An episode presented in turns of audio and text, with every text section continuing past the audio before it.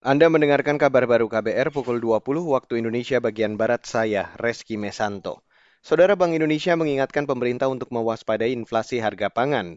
Gubernur Bank Indonesia Peri Warjio mengatakan saat ini inflasi nasional mencapai 4,89 persen dan jika dipecah porsi inflasi pangannya mencapai 10,47 persen. Angka ini merupakan yang tertinggi dibandingkan porsi komponen lain di inflasi.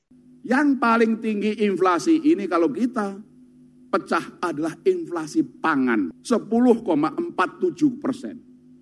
Mestinya inflasi pangan itu tidak boleh lebih dari 5 persen atau paling tinggi 6 persen. Ingat, inflasi pangan. Inflasi pangan itu adalah masalah perut, masalah rakyat.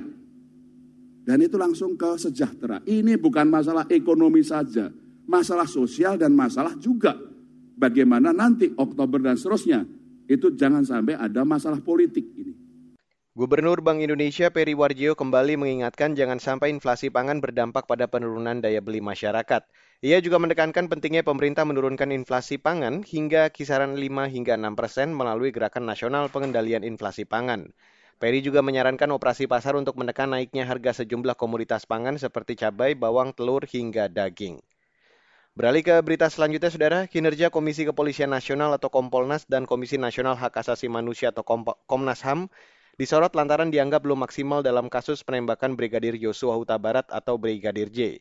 Pengamat intelijen Soleman Ponto mengatakan dua institusi itu cenderung bekerja searah dengan kepolisian pasca ditetapkannya Jenderal Ferdi Sambo sebagai tersangka pembunuhan berencana. Ya dilihatlah polisi dari tugas pokok Kompolnas itu apa. Bukan hanya melanjutkan apa yang dikatakan oleh polisi itu yang diteruskan. Kan bukan begitu. Di Komnas HAM juga sama.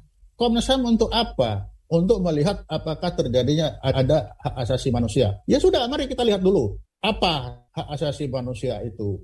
Baru bisa kelihatan, sehingga ada kelihatan perbedaannya. Sekarang kan tidak kelihatan, semua seperti jalan yang sama.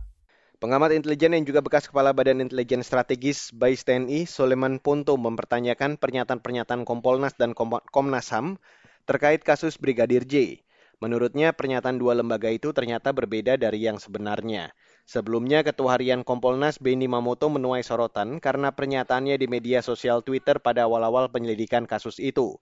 Menurut Beni, tidak ada kejanggalan dalam kasus kematian Brigadir J. Namun ternyata, belakangan Kapolri Listio Sigit Prabowo menyatakan Brigadir J dibunuh dan ada skenario merekayasa kasus itu. Saudara Yayasan Lembaga Bantuan Hukum Indonesia atau YLBHI menilai persidangan kasus paniai berdarah yang akan digelar dalam waktu dekat menjadi momentum serius bagi negara untuk menuntaskan pelanggaran HAM berat di Indonesia. Wakil Direktur YLBHI, Edi Kurniawan meminta pengadilan menjamin ruang bagi partisipasi masyarakat sipil untuk memantau persidangan. Bahwa pengadilan HAM berat di Makassar ini terkait kasus paniai, ini bisa menjadi momentum untuk uh, menguji keseriusan negara dalam menuntaskan pelanggaran HAM berat sekaligus uh, untuk memberikan keadilan bagi uh, korban pelanggaran HAM berat. Namun uh, penting untuk kita garis bawahi bahwa kasus Pania ini semata-mata bukan hanya urusan Papua, tapi ini urusan semua masyarakat Indonesia. Wakil Direktur YLBHI Edi Kurniawan mengatakan, sidang kasus pelanggaran HAM berat Paniai berdarah 2014 bisa menjadi pedang bermata dua, yaitu menghadirkan keadilan bagi korban atau menjadi momentum Presiden melanggengkan impunitas bagi pelaku pelanggaran HAM berat.